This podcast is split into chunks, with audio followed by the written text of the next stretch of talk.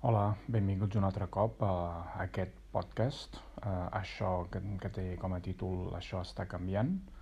un podcast cru sobre un tema en, en ebullició. En el primer episodi vaig fer una petita presentació i també us faig proposar una primera reflexió. Aquella primera reflexió era bàsicament una pregunta, que és on situaríeu el problema de l'ús social del català. Us oferia quatre possibilitats, potser me'n vaig deixar alguna, potser algú hi podria afegir alguna altra opció, però que bàsicament anaven doncs, ampliant eh, el focus, no? des de l'àmbit individual, eh, passant per l'àmbit doncs, de, de, de Catalunya, de la política catalana, de relacions, de les relacions a Catalunya-Espanya, o finalment un àmbit més ampli del context o el marc mm, de la diversitat lingüística mundial i del problema de la pèrdua d'aquesta diversitat. Arran d'aquest primer episodi de presentació del podcast, un bon amic amb qui vaig estudiar filologia catalana, en Jordi Lont, doncs, em va fer arribar una nota de veu amb, amb alguns comentaris i bé, doncs m'agradaria, si us sembla bé, que l'escoltéssim, o almenys un, un tall, un fragment de, de l'àudio que em va passar, i a partir del que ell em va comentar, doncs, si us sembla, continuem la resta d'aquest segon episodi que us proposo avui, d'acord? Fins ara.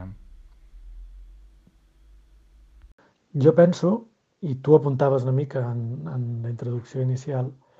que és bo enfocar-ho des de la màxima globalitat possible, és a dir, des de justament la qüestió de la diversitat lingüística, assimilant-la a la qüestió de la diversitat en general, és a dir, els beneficis que té la diversitat o els prejudicis que tindria el fet de perdre aquesta diversitat a nivell, a nivell mundial. I l'exemple que has posat de medi ambient crec que és molt bo, perquè si als anys, no sé, 70, finals, mitjans dels 70, principis dels 80, que és com va començar l'eclosió de l'ecologisme, l'ambientalisme, eh, la gent veia aquest moviment com una qüestió d'aquells que volen salvar quatre gripaus o quatre ocells i, i no val la pena preocupar-s'hi. Eh, aquesta visió, afortunadament, ha anat canviant i s'ha vist com una qüestió global que ens afecta a tots perquè tots estem justament interconnectats en aquest planeta, no? I és el lloc on vivim, és el lloc on, on creem xarxes, és el lloc on ens relacionem, etc. Per tant, de la mateixa manera, penso que el que fa la diversitat lingüística i diversitat cultural, l'enfocament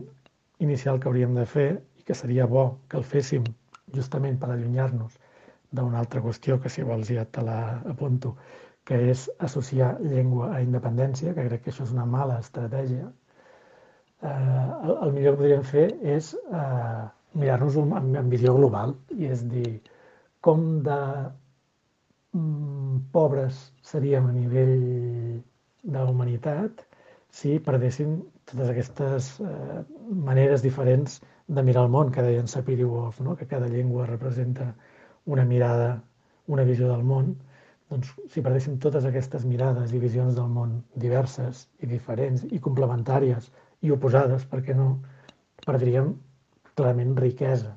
Només per això ja està justificat el manteniment de la llengua. Doncs bé, un cop heu pogut sentir en Jordi Lon, mm, jo us he de confessar que coincideixo moltíssim amb ell. No ens hem posat pas d'acord per dir coses semblants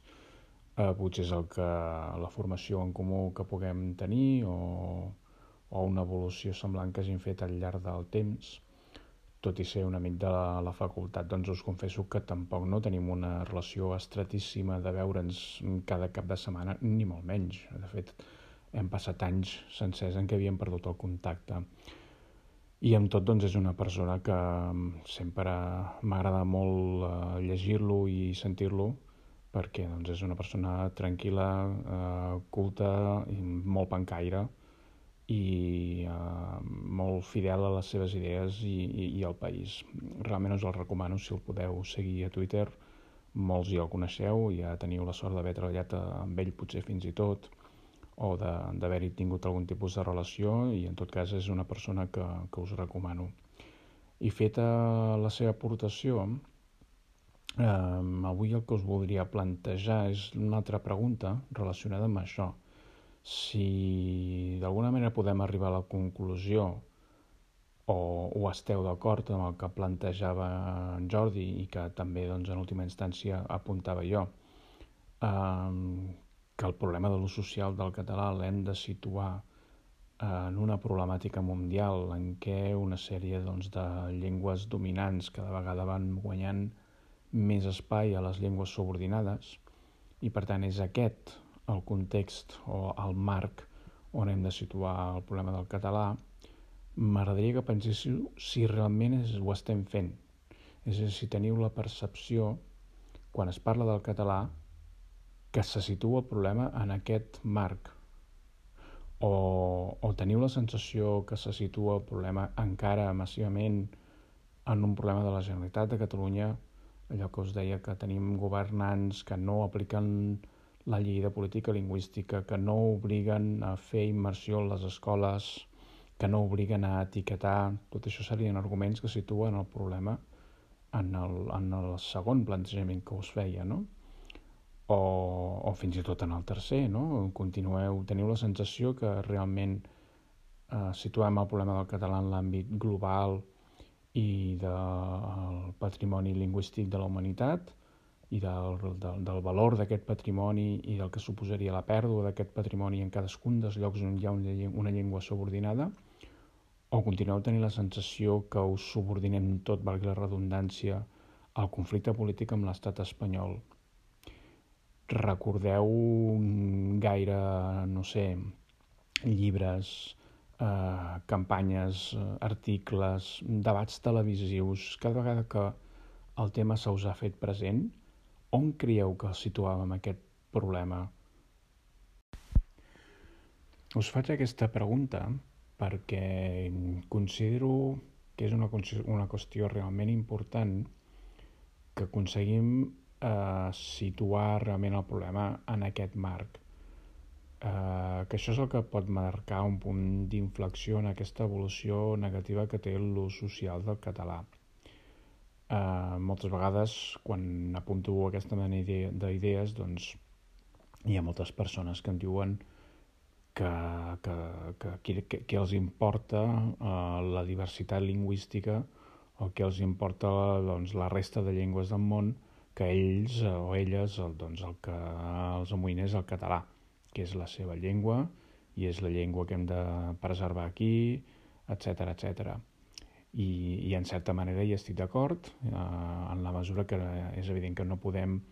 vetllar per la totalitat del patrimoni lingüístic de la humanitat, que són prop de 6.000 llengües, no les podem aprendre totes, no les podem parlar totes, i per tant el nostre mm, àmbit d'acció està limitat però no estem parlant exactament d'això, sinó que estem parlant de, de marcs mentals, és a dir, d'on situem, com us deia, el problema de l'ús social del català. Si el situem en un àmbit, hi ha una sèrie de conseqüències gairebé que us diria en cascada, tot va canviant. Si el situem en un problema d'àmbit mundial, el tractament del problema és radicalment diferent. I la veritat és que amb la llarguíssima tradició que tenim de defensa de la llengua, potser mai com ara, com en els darrers anys, no havíem tingut tan clar que el problema s'ha de situar en l'àmbit mundial, perquè fins ara potser no, ha, no ha estat tan clar, tan clara la, la perspectiva d'un futur de la humanitat monolingüe o que parli ben poques llengües. I no hem tingut un missatge tan clar com ara d'un munt de llengües que desapareguin a causa de les relacions humanes, de la manera com es relacionen les llengües subordinades i, i dominants, eh, de les relacions que, de, de poder que s'estableixen de les causes sociolingüístiques que poden explicar l'abandonament d'una llengua, és a dir, tot això, que sí que fa uns quants anys que, que, que ho estudiem, està adquirint unes dimensions brutals arreu del món. I d'aquí doncs, el mal pronòstic us apuntava en el primer capítol, que ens fa pensar doncs, això, en una pèrdua massiva de llengües. Si situem el problema del català en aquest context, les conseqüències, com us deia, canvien de dalt a baix. I la reflexió que us proposo fer és si realment estem fent això o continuem amb per inèrcia amb els mateixos plantejaments que en el seu moment ens van ser molt útils